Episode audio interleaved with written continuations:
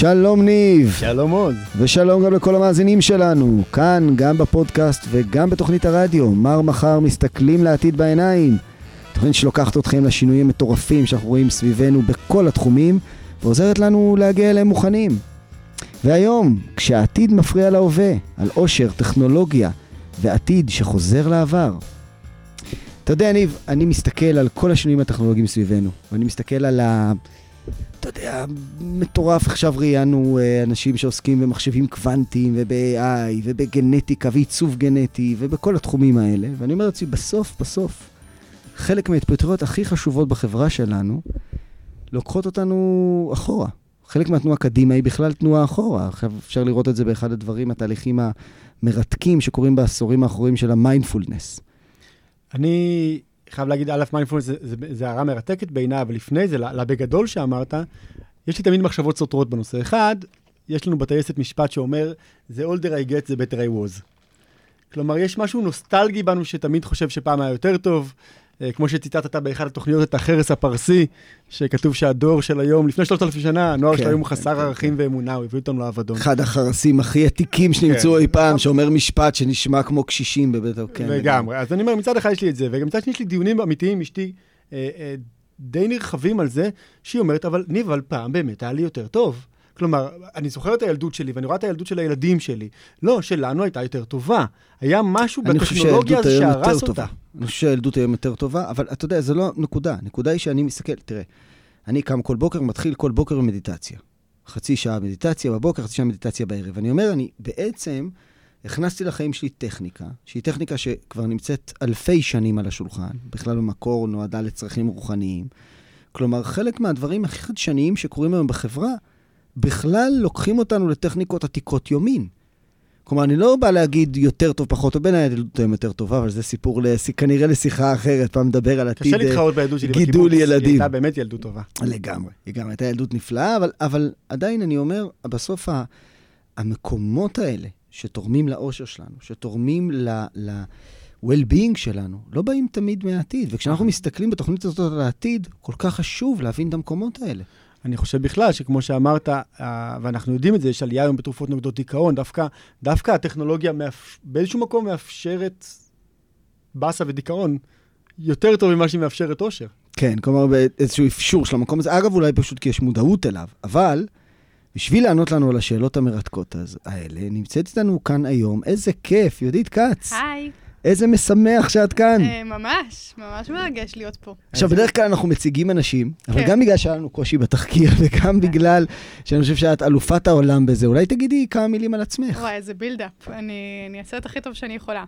אז, אה, אז נעים מאוד, אני יהודית כץ. Uh, בגדול, המטרה של כל מה שאני עושה היא בעצם לחבר בין כלים ועקרונות, מסקנות שמגיעות מתוך העולם של המחקר הפסיכולוגי, מדעי המוח, תחומים שכנים, לבין אנשים כמוכם וכמוני ואחרים שרוצים לחיות יותר טוב. כלומר, זאת המטרה ה... כללית, לשפר את ה-well-being ואת החיים שלנו. אה, כשמה שאני עושה ברוב הזמן שלי זה סשנים אחד על אחד, פגישות אישיות, בשביל לשנות הרגלים, לקבל החלטות, לשפר מערכות יחסים. את עובדת הרבה בתהליך כזה שהוא כמו coaching, mentoring, איך תגדירי את זה? לגמרי. אה, אני קוראת לזה ליווי אישי, כי זה משלב כמה דברים, אולי אני אספר עוד שנייה מה. Uh, חוץ מזה, אני גם מרצה בחברות ה... מרצה מעולה. תודה, איזה כיף. Uh, בחברות במשק ולקהל הרחב. Uh, ויש לי פודקאסט שנקרא חושבים טוב, ש... שבו אני פוגשת... ממליצים אה, לכולם בחום. תודה. תענוג הפודקאסט אה, שלך. פוגשת מומחים מהמחקר והשטח כדי לדבר על אותם תחומים, ואני כותבת באופן קבוע בעיתון הארץ, ולאחרונה סיימתי לכתוב ספר שיצא כבר, מה שנקרא, לחנויות. כמו ילד, כמו ילד. אני יכול להגיד לך... שיצא, באמת שיצא. ששותפנו פה, אה, כן. דוקטור הזה. כתב כן. חמישה ספרים. כל ילד הוא כותב ספר. וואו, באמת? כל ילד? לא, לא, זה ניבי ממציא. עכשיו, רגע, תגידי לנו שם של הספר. זה בדיוק, הוא לא, הוא לא המציא לגבי חמישה ספרים וחמישה אה, ילדים, אבל זה לא מתואם כן, פשוט, זה, זה לא... זה בדיוק בדיונים עכשיו בהוצאה. יש אה, התלבטות מאוד קשה בין חושבים טוב, כמו הפודקאסט, לבין mm. החיים קורים עכשיו, איך לעצב אה, חיים מלאי משמעות וכוונה. אנחנו עוד משחקים קצת עם השמות, אבל זה המתחרים אז בגדול. אז פודקאסט מולי שאנחנו ממליצים. ייוולד, תוכלו לבחור איזה שם לתת לו. כן, האמת שלבחור שם לילד זה יותר קל מלבחור שם לספר. את מכירה את ההורים שאומרים, אני אראה את הילד, אני אדע? כן. גיליתי שזה מלא הורים, מלא הורים אומרים, יש להם שמות רשומות בראש, הם לא מחליטים, אומרים, כשנראה אותו נדע. אני חושב שיש כן. בזה משהו הגיוני, אז אתה יודע. כשנראה את הספר, נדע, נגיד לך. אז, אז אני כבר ראיתי אותו, וקשה לדעת. כן. כי יש המון, אה, אתה יודע, שיקולים. אז ליווי אה, אישי, כן. פודקאסט, הרצאות, שעל הכל אנחנו ממליצים אגב, אני הכל רגע רוצה דברים לשאול, מקסימים. לשאול על ליווי האישי, סתם כי זה סקרן אותי, למי זה עובד הכי טוב? אה, למי זה עובד הכי טוב? בגדול אני לא עובדת עם אוכלוסיות קליניות, כלומר, אני לא עובדת אה, על אה, לא סכיזופרניה, פוסט-טראומה, הפרעות נפשיות קשות, אלא כן. אני עובדת עם אוכלוסייה בריאה. לא, אבל אני שואל נגיד ילדים, מבוגרים. אה, אני עובדת עם מבוגרים. אני עובדת עם אוקיי. מבוגרים. גברים ונשים כמובן, אבל אני לא עובדת עם ילדים ונוער, זה התמחויות ספציפיות כבר. אה, לספר גם מה על הרקע שלי, או שזה פחות... אה, מה שבא? לך, אנחנו- ברשותך. דברי. נזרום קדימה ל... לידע שלך. מה זה? נזרום אל מה הידע שתרצו, שלך. מה שתרצו. אז אה, אני, אני אתחיל בשאלה הראשונה. יאללה. וזה באמת רגע, דווקא באמת בכובע של הידע הרב שיש לך בתחום הזה. האם מה שאמרנו בפתיחה הוא נכון לדעתך? האם באמת אנשים היום פחות מאושרים, למרות שלכאורה הפוטנציאל והשפע רק הלכו ועלו? כן, אז באמת האיכות חיים שלנו עולה משנה לשנה, והאושר, באלף, אנחנו רואים שהוא נשאר זהה פחות או יותר. ואני אומרת פחות או יותר כי יש מחקרים שמראים שהוא קצת עולה, יש מחקרים שמראים שהוא קצת יורד. בגדול, המגמה היא אותו דבר, שזה מעניין, כי הנ- הנטייה הטבעית שלנו היא לחשוב אם רק יהיה לי, נכון? אם אני רק ארוויח יותר, אם אני רק אשיג, אם אני רק אעשה, אז אני אהיה יותר מאושרת. ואז אנחנו רואים שאנשים... האיכות חיים שלהם עולה כל הזמן. יש אפילו חוקר בשם אה, מיירס, שניתח אה, משכורות של אנשים לאורך 50 שנה בארצות הברית, והוא ראה שהמשכורת של האמריקאי הממוצע היא, היא הכפילה את עצמה. שזה מלא, זו עלייה מטורפת באיכות חיים, אבל רמות העושר נשארו זהות. אה, ואז נשאלת השאלה, למה? למה אנחנו חיים יותר טוב כל הזמן, ובכל זאת אנחנו לא מרגישים יותר טוב? ומה התשובה? יש, שיש הרבה תשובות. אה, דיברתם הרבה על הטכנולוגיה, אני חושבת שטכנולוגיה היא, היא חלק מזה, אבל לא הייתי מאשימה אותה, כי יש גם בטכנולוגיה המון דברים שהם טובים. יש הרבה דברים מדהימים, זה שאנחנו עכשיו פה. משדרים כאן אה, לאנשים, ואפשר לשמוע, זה שאני יכול לשמוע אותך בפודקאסט, בנסיעה, בכיף. לגמרי, לגמרי. אני חושבת שהדבר המרכזי הוא שאנחנו בני אדם עוברים אביטואציה לכל דבר, לטוב, לרע, ו- ואיכות חיים זה משהו שנורא נורא קל להתרגל אליו. כלומר, זה שהיום אני מרוויחה יותר וחיה בבית יותר גדול, והכול יותר קל, מי אני, שגר יש לי... ליד הים כבר לא שומע את רחש הגלים. כן, אני, אני, זה פשוט מתרגלת לזה. זה, זה מנגנון שיש לכולנו, ויש לו צדדים יפים וצדדים פחות יפים. הצדדים היפים זה שאנחנו מתגברים גם על, על הרע, גם על הנפילות והקשיים. לרע, כן. אנחנו מתרגלים, כן, הייתה קורונה, כולנו היינו בסגר עכשיו, התרגלנו לזה יחסית מהר, אנחנו אמנם חיכינו שזה יעבור, אבל, אבל תוך חודש אני כבר הייתי במצב שאני עכשיו לבד עם הבן שלי בבית, עוזרת בית במשרה מלאה, לא הייתה לי עבודה, והתרגלתי למצב הזה, יכלתי לחיות ככה לתקופה. כלומר, זה אמ, שפעם היו אנשים שלא היה להם אוכל, לא משנה למי שהיום יש לו אוכל כל הזמן, נכון. כי זה המצב שהוא רגיל אליו, אז זה לא רלוונטי לו. אנחנו לא חיים את זה. אם עכשיו פתאום לא יהיה לי אוכל המון זמן, אז אני כן מאוד אעריך מחדש. אז אותה הביטואציה היא גם מפריעה לנו קצת לאושר, כי בעצם כל הדברים הטובים שיש לי בחיים, אני, אני לא באמת מעריכה אותם ומרגישה אותם כל יום, אלא הם פשוט המצב הנתון החדש, והמרדף נמשך ליותר כסף, יותר הצלחה, יותר... ואם את צריכה באמת, אה, אה, רגע, שנייה, להתמקד בכל העולם הזה של רשתות חברתיות. של פייסבוק, של אינסטו, של טיק טוק, לא משנה, כל הדברים האלה שרצים, שכן התחושה שלי, ואני גם קרא, קראתי כמה מחקרים על זה, אבל שוב, מן הסתם אפשר למצוא להם מחקרים הפוכים, כן. שהם כן פוגעים באוש. כשאני מסתכל על בני הנוער, אני גם אה, הרבה שנים הייתי מורה, ומסתכל על בני הנוער ששקועים כולם בתוך הדבר הזה המון המון שעות ביום מול המסך, ובמסך הזה כולם כמובן זוהרים ויפים, כי כולם בפייסבוק או באינסטו שמדהימים וחיים חיים שאתה יכול לחלום עליהם, בפועל זה לא המצב. כן. אז באמת מה שאנחנו רואים על רשתות חברתיות זה שזה נורא תלוי מה אני עושה ברשת החברתית.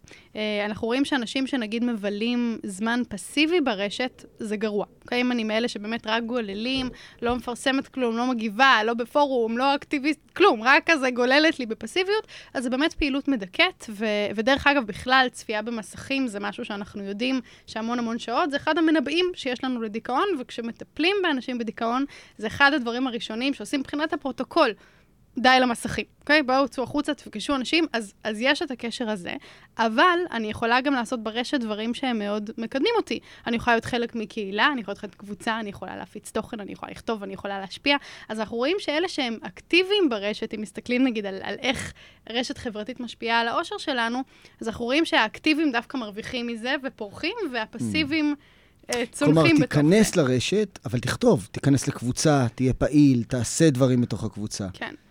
וההשוואה החברתית זה כמובן גרוע. כן, כלומר, זה... רגע, אני אגיד אז כן. לכל אנשי הקבוצה, יש לנו קבוצת פייסבוק שנקראת כן. מר מחר, קבוצה מדהימה.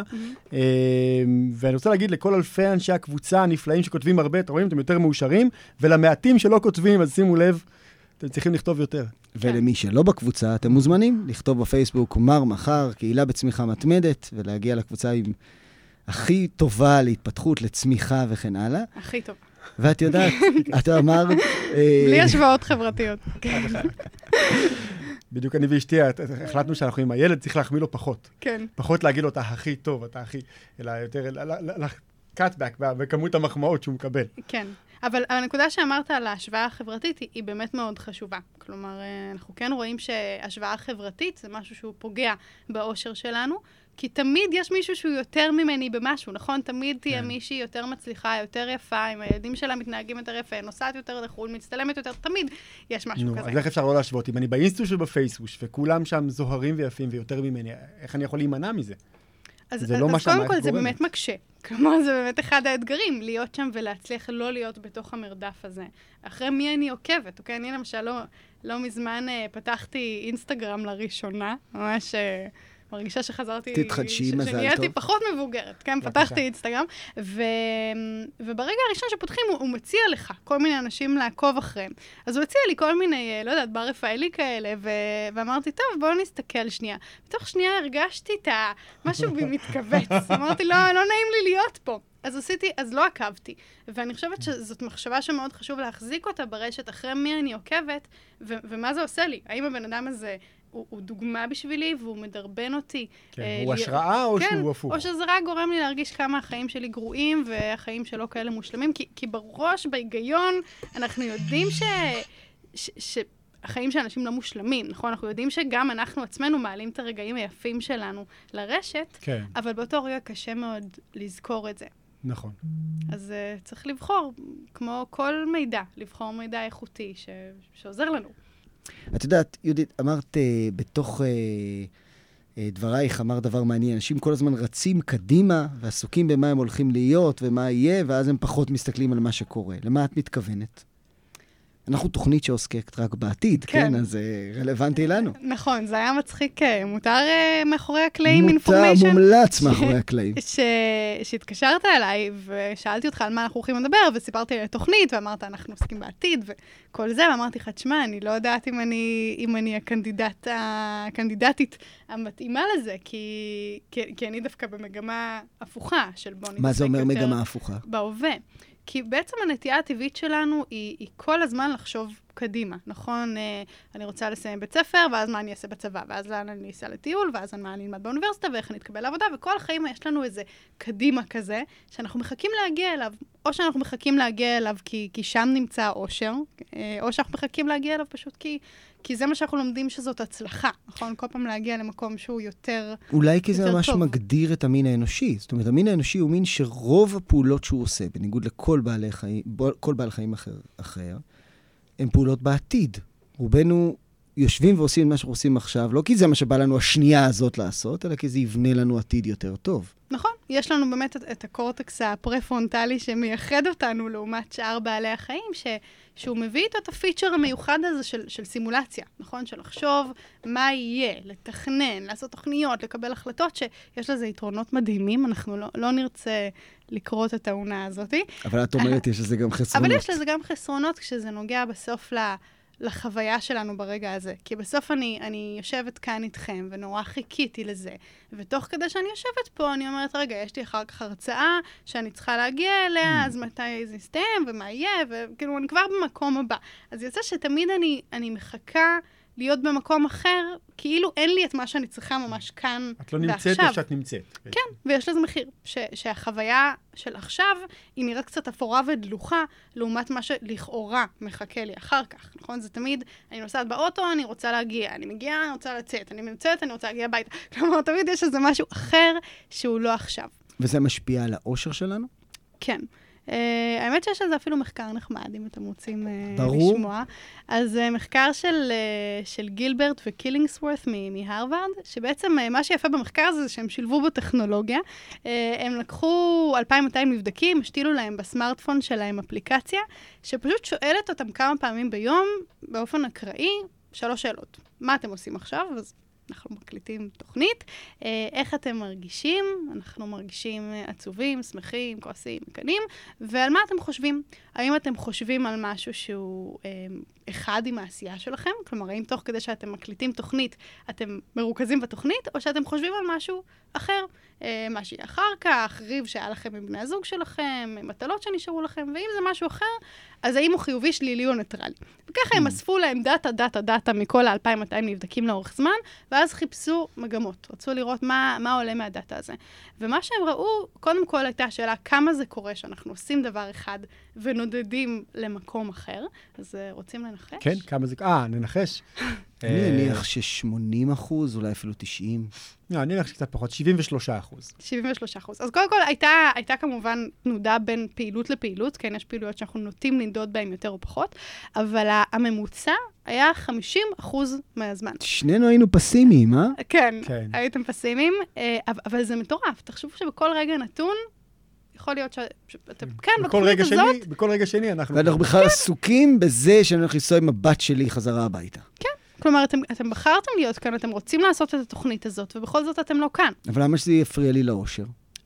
יפה. ואז באמת השאלה הבאה הייתה, אוקיי, אז אנשים נודדים במחשבה, מה, מהי החוויה שלהם? מה הרגש שהם מרגישים בזמן שהם לא נוכחים בעצם? ואז מה שראו זה שהיה לאנשים הרבה הרבה יותר רגשות שליליים כשהם נדדו במחשבה. ו... ואז באמת השאלה היא למה. כן, דואג. מה זה? כי אתה דואג. אז לא לי, תמיד אני דואגת, כן? כי המחשבה שלי יכולה גם להיות אה, איזה, איזה כיף יהיה לי כשהתוכנית הזאת תצא, ו, ונוכל אה, לספר אבל לאנשים ולשלוח אני לא יודע. אני שואל, לא רוב המחשבות שלנו לעתיד הם דאגה? כאילו, אני חושב על העתיד, הרי אני מרחיץ תסריטים Mm-hmm. כדי ש... ככה המנגנון הזה בנוי. כאילו, כן. אני אחזור הביתה, אני צריך להספיק ללכת לגן כדי שהוא לא ייסגר, אחרת למה אני צריך להספיק ללכת לגן? כן. אני, אחרי זה אני אצטרך רגע, להכין רגע, יש את המוצרים, אני צריך ללכת לקנות, אוקיי, אני חייב להספיק. אני חושב, רוב התסריטים שיש לי הם לא רעים, אבל הם דורשים ממני דאגה. כן, אתה צודק שיש בתוכניות איזה אלמנט קטן של, של דאגה, נכון? כל הזמן לתכנן מה יהיה קדימה, וזה משהו שהם בדקו במחקר הזה, כי הם אמרו, בואו נראה מה קורה כשאנשים נודדים למקום שלילי, אה, לכמה אני לא מוצלחת, ואני, זה קשה לי, וכל הסיפורים האלה, ואז זה, נורא obvious, אנחנו בכלל לא צריכים את המחקר הזה כדי לדעת שאנשים מרגישים פחות טוב כשהם חושבים על כל מה שהם לא יספיקו, ואיך לא מעריכים אותם, וכל הסיפור הזה.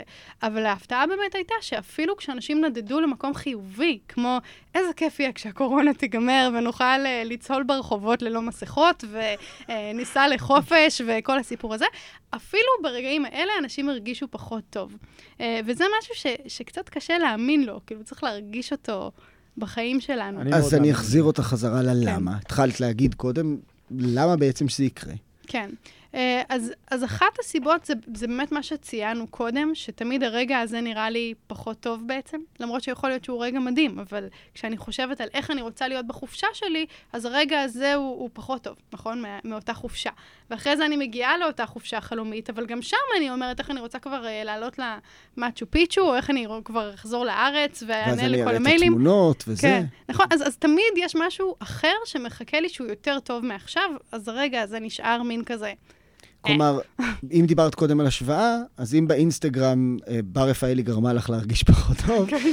אז הרגע העתידי הנוצץ, את אומרת, גורם לרגע הנוכחי להיות יותר אפור. לגמרי, והאלמנט השני שהוא ברור זה שאני פשוט מפספסת את מה שקורה. כי, כן.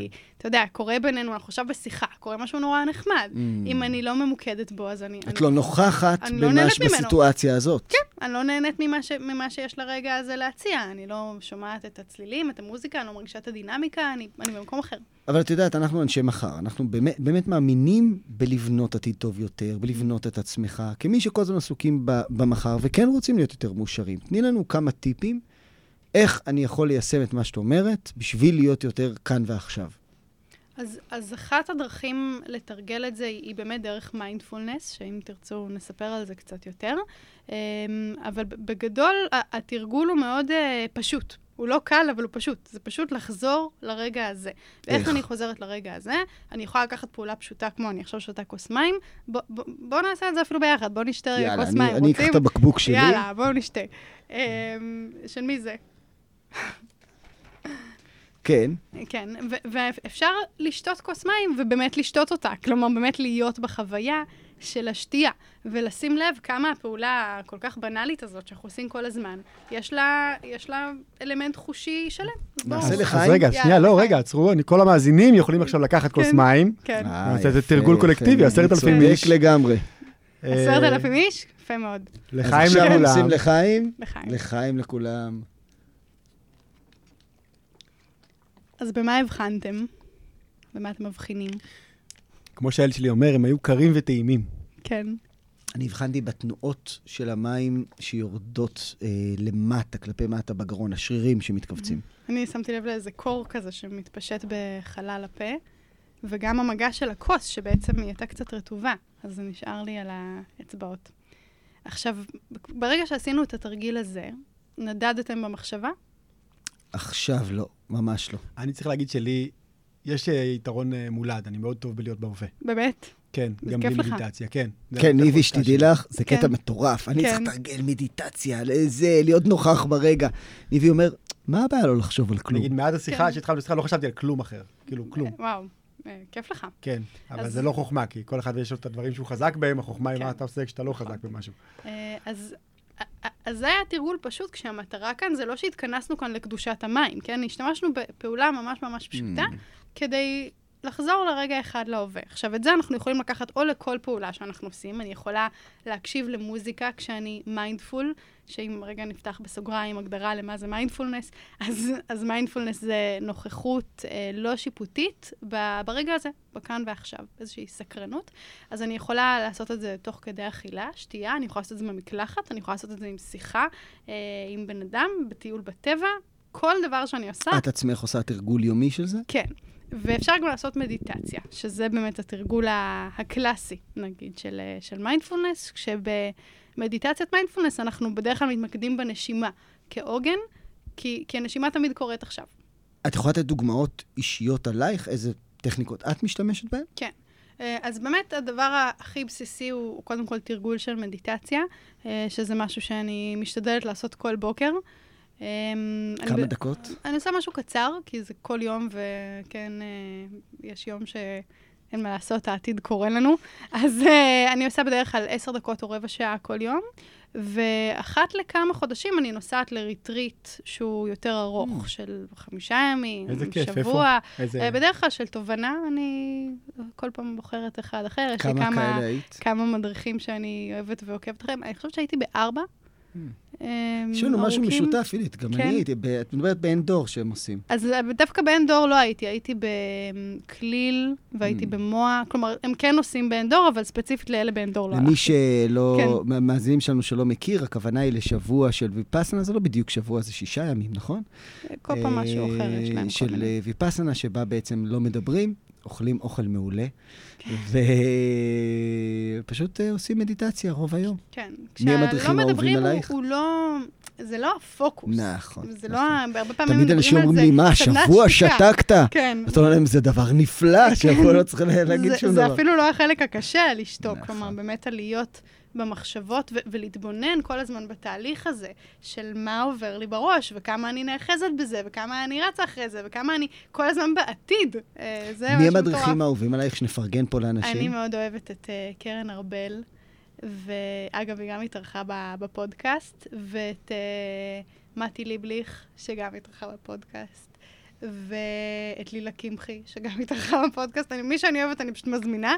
ואני גם אוהבת את סטיבן פולדר, ערן הרפז, אבל נראה לי שהשלוש הראשונות הם ה... וזו ההזדמנות להגיד לכל מי שמעוניין להיכנס לאתר של תובנה, הם עמותה בהתנדבות, הכל ממש ממקום של לעזור לאנשים, תענוג גדול. לגמרי. אה, אבל באמת מה, ש, מה שמעניין במדיטציה זה מה שאנחנו מבחינים בו. כלומר, שאנחנו מתחילים לראות את התנועות האלה של התודעה, את ההאחזויות שלנו, את כמה קשה לנו אה, לשחרר דברים מסוימים. אז uh, אני, אני יכולה לספר לכם uh, סיפור, אתם רוצים? בוודאי, למה באנו? לא, אתה כזה. את כל פעם שואלת כן. אותנו לפני אם אפשר, פשוט כן, לכי לא, על זה, בכיף, בסדר, כאילו. אני לא, אני לא יודעת לאן אתם רוצים לקחת את השיחה, אני אורחת פה. התשובה היא אפריורית שאפשר הכל, אוקיי. ושאנחנו רוצים לקחת לאיפה שאת רוצה. סבבה. אז אני אספר סיפור שהיה לי באחד הריטריטים. שזה היה לא הריטריט הראשון שלי, שאני מציינת את זה כדי להגיד שהייתה לי כבר חוויית השוואה. נכון, ההשוואה הארורה הזאת ש... כן. שדיברנו עליה, ועל איך בעבר הכל כביכול היה טוב. והתיישבתי בריטריט הזה, וכל הזמן חשבתי, וואי, איך המוח שלי כל שנייה קופץ ממקום למקום, ואני לא מצליחה להתרכז, ואני רק חושבת על מתי תהיה ארוחת צהריים, מתי אני אתקלח, מתי אני אחזור הביתה, ומה קורה עם הבן שלי בבית, ומיליון, מיליון, מיליון מחשבות, וכל הזמן השוויתי את זה לריטריט הקודם, שאמרתי, וואי, בריטריט הקודם הייתי כל כך בפנים, והייתי כל כך כן. מרוכזת, והצלחתי להיכנס לזה, ועכשיו זה פשוט כאוס מוחלט. ובאחד הימים, נראה לי ביום הכמעט אחרון או האחרון של הריטריט, שלחו אותנו להתבודד בטבע, איזה שעה או שעתיים, ולקחתי איתי את היומן שלי. שזה אסור, אבל עשיתי את זה בכל זאת. ו... לא נגלה. כן, לא, לא מה זה לא נגלה לאף אחד. נגלה? יש פה עבריינית ריטריטים. כן, אני אגיד לך למה לקחתי אותו, כי מבחינתי זה עוזר לי להתבונן במחשבות שלי. אז אמרתי, למה שמישהו אחר יקבע לי מה זה להתבונן? אז לקחתי את האומן והתחלתי לכתוב על כל החוויה הזאת של הריטריט, ועל איך היה לי עמוס, ואיך לא הצלחתי להתרכז, ואיך אני מאוכזבת מעצמי, וכל הסיפור הזה. וסיימתי לכתוב, וישבתי שם בטבע, והסתכלתי על איזה שיירת נמלים שעוברת, והסתכלתי על החורשה של העצים. ופתאום עלתה לי איזו מחשבה כזאת של אולי אני אסתכל מה כתבתי בריטריט הקודם, כי זה אותו יומן. ודפדפתי לי ביומן ומצאתי את זה ממש מהר. וראיתי שכתבתי אחד לאחד, שאני לא מצליחה להתרכז, שהמחשבה שלי כל הזמן נודדת, שקשה לי, וכל הסיפור הזה. אמרנו, זה all the reggae, זה בית רמז. ופשוט פרץ ממני צחוק אדיר באותו רגע, כי זה עזר לי ברגע אחד לשחרר את, ה, את התפיסה הזאת, שזה לא בסדר, ושזה אמור להיות משהו אחר, ושפעם שעברה היה יותר טוב. ובאמת, מה שמיינדפולנס עושה, ובשביל זה סיפרתי את כל הסיפור הזה, זה, זה מייצר לנו את ההפרדה הקוגניטיבית הזאת, שאנחנו מצליחים לראות, יש לי מחשבות, יש לי תפיסות, יש לי דברים שאני נאחזת בהם, ויש אותי, ואפשר לייצר איזה רווח כזה. אה, הרבה פעמים אומרים באנגליה, please mind the gap, ברכבת התחתית. אז אני יכולה to mind the gap, אני יכולה mm. לראות שיש את המחשבות שלי ויש אותי, וזה לא אישות אחת, אני יכולה להטיל בהם ספק. אבל את יודעת, גם פה, אנחנו מדברים על מחר ועל טכנולוגיה ועל התפתחות. גם פה לטכנולוגיה יש המון המון מקום. לדוגמה, אחת הסיבות שכל לגמרי. כך הרבה אנשים מתרגלים מדיטציה היום, ויש מחקרים שמדברים על אה, מנכ"לים של החברות הגדולות. אה, אם אני זוכר נכון, ואולי אני טועה קצת במספרים, אבל מעל 80% מהמנכ"לים של חברות הענק מתרגלים מדיטציה. אחת הסיבות לזה זה אפליקציות. לגמרי, אני גם משתמשת באפליקציות. איזה אפליקציה? אה, אני ממש אוהבת את Headspace. Mm. אני גם תמיד ממליצה עליהם, אני מרגישה שהם כבר צריכים לשלם לי. האפליקציה שלי, אני אראה לך, לדעתי, לפחות 100 איש אה, קיבלו את ההמלצה, את רואה? זה האפליקציה הזאת של Waking Up, של סם האריס. של סם האריס, כן, אני גם ממש אוהבת את סם האריס, דרך אגב. איש מדהים. אה, ממש, גאון.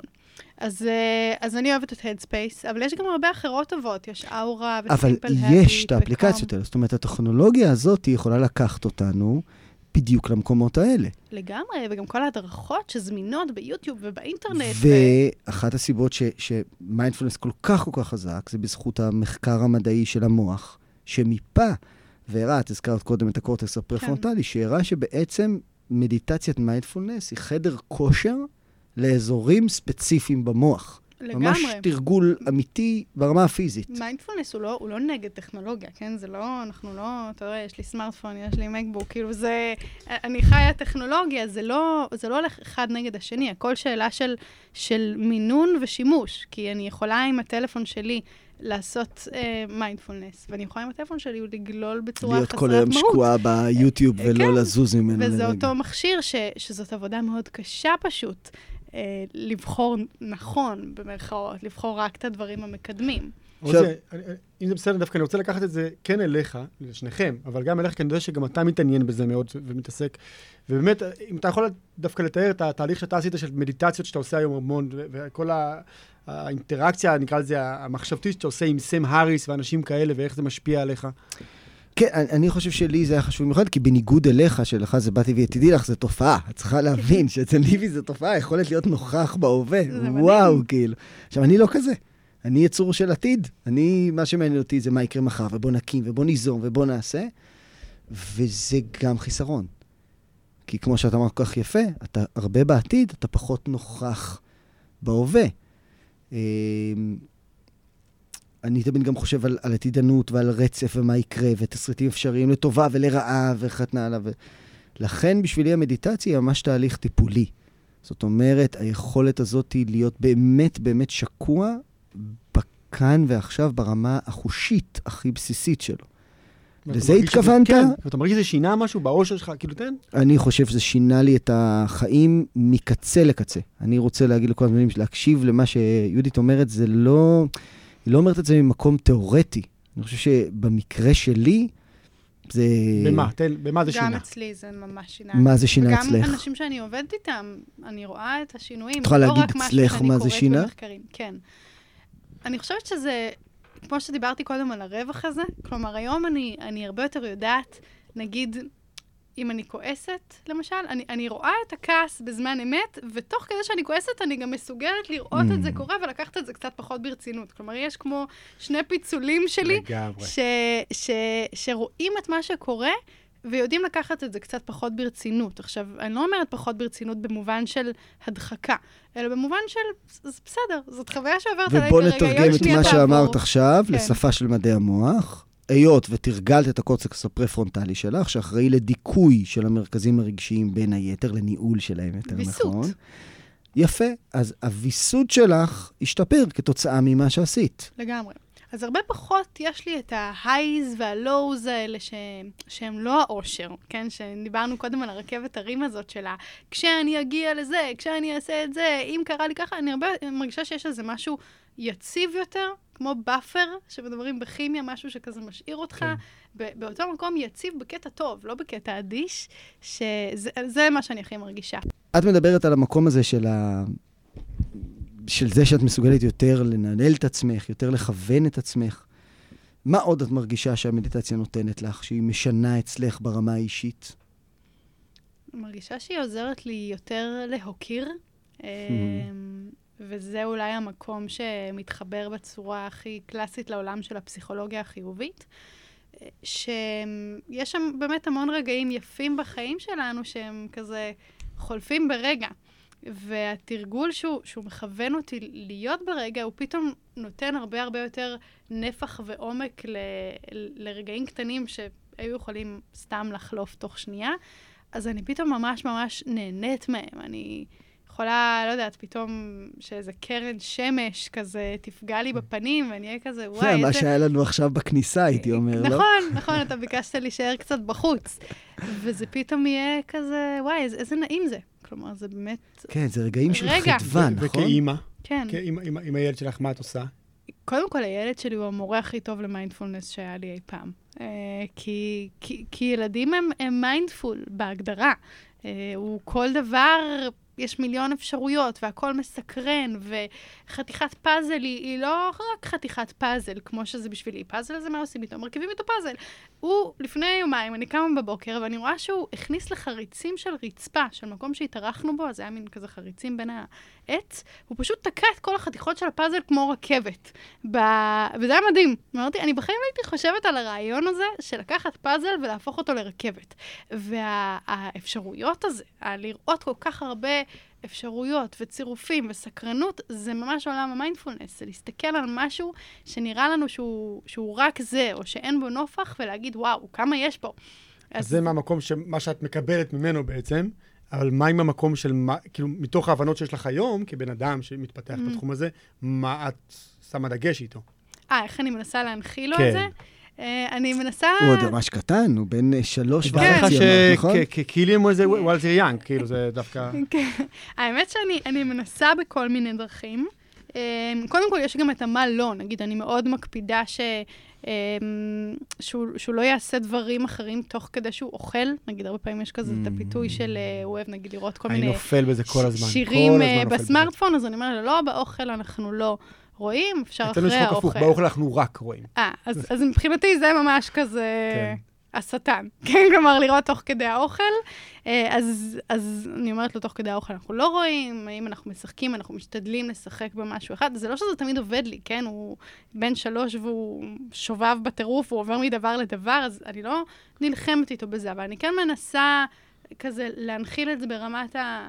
בוא נבחר משהו אחד לעשות. כן, גם ניבי, אני חושב שזה משהו ש, שככל, באמת, את אומרת כל כך יפה, שהוא במקום של מיינדפולנס עכשיו, דווקא ככל שילדים גדלים ומתחילים ללמד אותם בנטו מערכת החינוך, כל הזמן לחשוב על העתיד, איזה ציון אתה הולך לקבל, מה אתה זה, איך אתה משווה חברתית, אז המקום של הכלים של המיינדפולנס הופך להרבה יותר uh, מהותי וקריטי. יש, כן, אני, אני לא כן טוען שהוא לא בקורונה- נעשה, אבל אני חושב שבאמת יש, יש מקום היום, זה כמו שיש פה פגיות אנתרופוסופיות, אז אה, יש, יש, יש, לא, יש, אה, באמת, הילד שלי הולך לגן מיינדפולנס. לגן מיינדפולנס? עושה להם כל כל כן. יום מה היא. עושה להם? זה חור שחור גדול.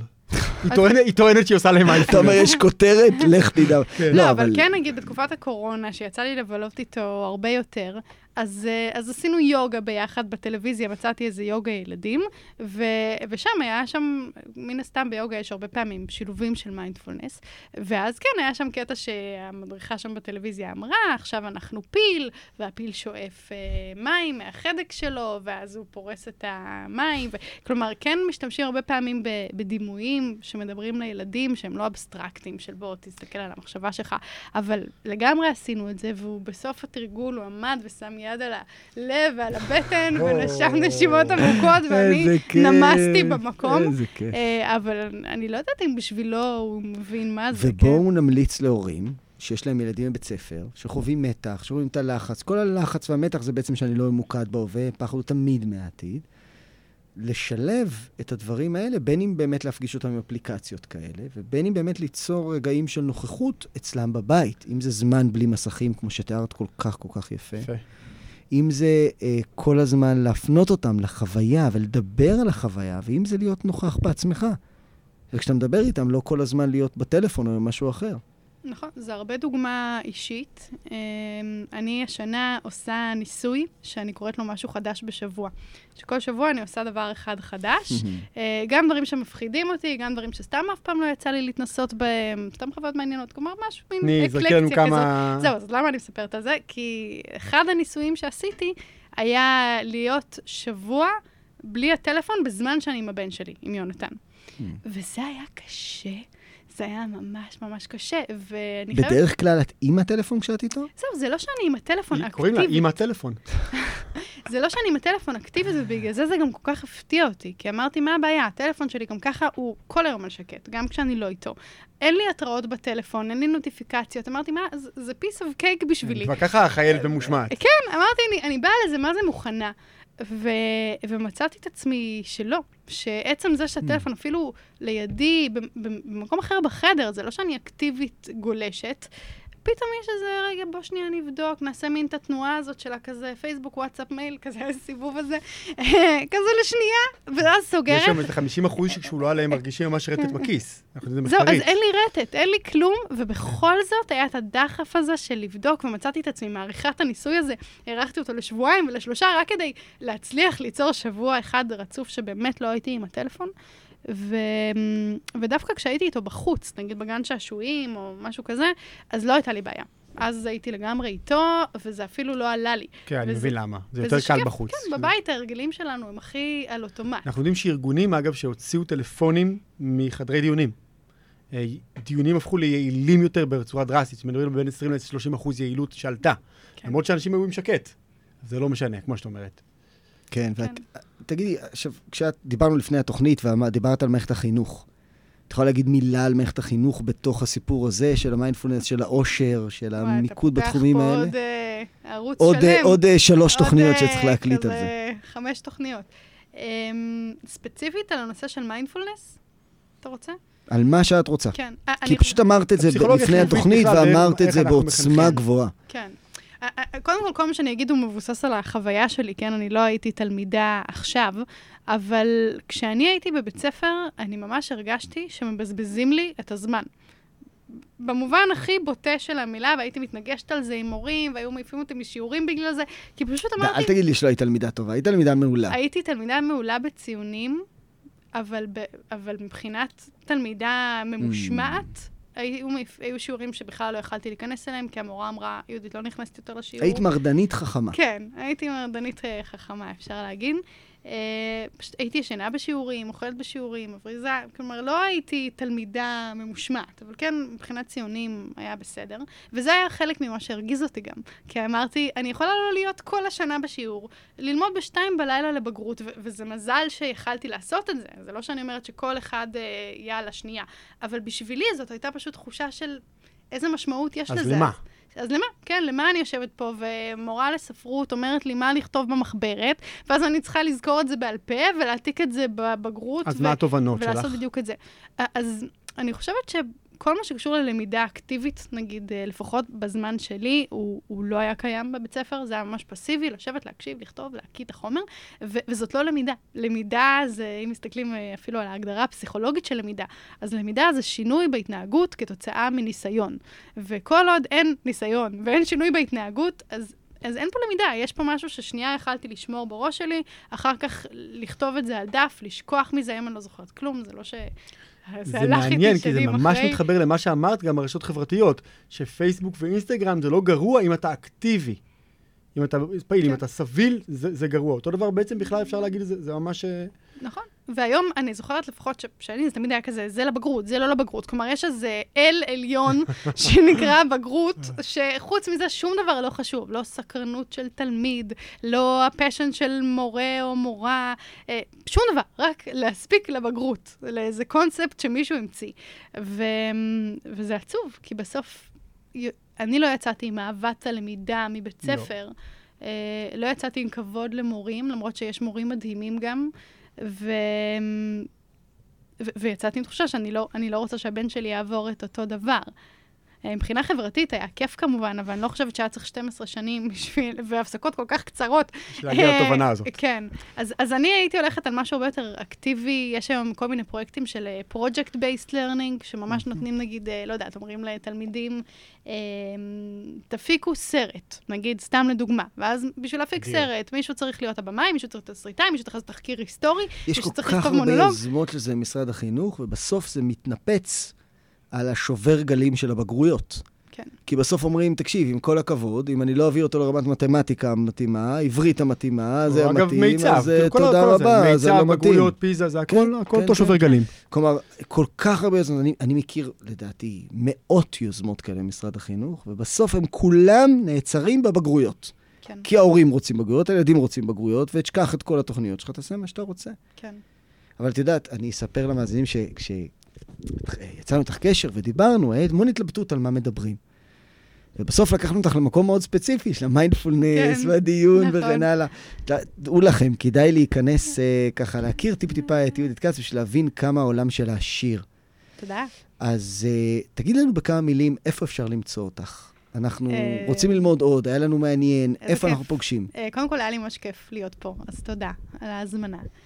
אמ, איפה מוצאים אותי? קודם כל, גוגל מוביל במהירות. גוגל מוביל אלייך. במהירות ובשמחה אה, לאתר שלי, לפודקאסט. אה, יש לי גם קבוצת פייסבוק שיש בה לא יודעת, 15 אלף נראה לי משתתפים, שאנחנו דנים שם גם על הפודקאסטים וגם על אה, כל מיני. תרגילים, אה, הרצאות ש, שאפשר להגיע, ההרצאות הקרובות, וספר שיצא בקרוב, איזה בספטמבר. כיף, איזה. כיף. אז אה, יהודית, קודם כל להגיד לך שהיה פשוט אה, תענוג גדול, איזה כיף. והתחושה היא של למידה שהיא לא נגמרת, וכל המחשבה הזאת שיש לנו פה בתוכנית על העתיד, מתחילה בהווה. כמו שאמרת, בלהיות כאן ועכשיו. אם אתה לא יכול להיות כאן ועכשיו, אתה לא יכול להגיע לעתיד. מצד אחד, אי אפשר. אי אפשר בלי ההבנה הזאת שאנחנו הולכים לקראת שינוי אדיר בכל תחומי החברה, ואם אתה לא מבין את השינוי הזה, אתה פשוט איבדת פוקוס. מצד כן. שני, זה לא סותר ואולי דווקא מחייב להיות נוכח כאן ועכשיו. כן, יש ציטוט לסיום של אה, פולטון אורסלר, שהוא סופר ועיתונאי, שכתב באחד הספרים שלו, שאנחנו כל הזמן נעים בין החרטה לאתמול לפחד מהמחר. ובאמת, אם נחשוב על זה, אז, אז בעבר כבר ראינו, ובעתיד אנחנו עוד נהיה. ועכשיו זה הרגע היחיד, להיות, להיות בכאן ועכשיו. כאן ועכשיו. כן. אני אתן גם את המחקר לזה, שכשבדקו מה המנבא הכי טוב, למי מאיתנו יהיה מאושר בעתיד, התשובה היא כמובן מי מאושר בהווה. Mm. בסדר? אין מה לעשות. אה, כל מאזיננו היקרים, המאושרים. הביטוי המדעי של זה זה דחיינות אושר. אה, אני אגיד שהיה תענוג גדול ותודה לך, וגם תודה לצוות uh, הנפלא שלנו, לרבית בן יהודה על ההפקה. וגם ליאיר גוטרמן על כל העריכה וקובי קלר, שאנחנו נמצאים ממש עכשיו בתוך האולפן שלו. שלו. כן, האכסניה המדהימה שלו, יש לומר. ותודה לרדיו צפון, 104.5 FM. ואם אנחנו כבר מדברים על אה, צמיחה מתמדת, כולכם מוזמנים באהבה גדולה אה, לקבוצת הפייסבוק שלנו, מר מחר, קהילה בצמיחה מתמדת, אה, קבוצה שבאמת כל שבוע תיתן לנו אה, ונותנת מחקרים חדשים, כלים טובים ומתוקפים של איך להתפתח ואיך להיות אנשים טובים יותר, גם בהווה וגם בעתיד. וגם כמובן, אנחנו מזמינים אתכם להזמין אותנו אליכם לארגון. ממש אליכם הביתה עם ההרצאות הכי מרתקות, הכי חדשניות. אם דיברנו כאן על ההווה, אז אחת ההרצאות הכי מעניינות שלנו לעתיד נקראת מר מחר, מסתכלים לעתיד בעיניים. עוסקת בדיוק במקום הזה, של איזה שינויים גדולים הולכים לקרות ואיך אני מתכונן עליהם. ואגב, תתפלאי לשמוע, גם ברמה הנפשית של המיינדפולנס, של ההכנה, כי באמת, הדברים שאת מדברת עליהם, אי אפשר לנתק אותם. כשדיברנו טלפונית לפני התוכנית, אמרתי לך, תקשיבי, זה הולך ביחד, כי זה באמת הולך ביחד. אז אה, קודם כל, המון תודה. תודה לכם. אגיד שלום לכל המאזינים היקרים שלנו.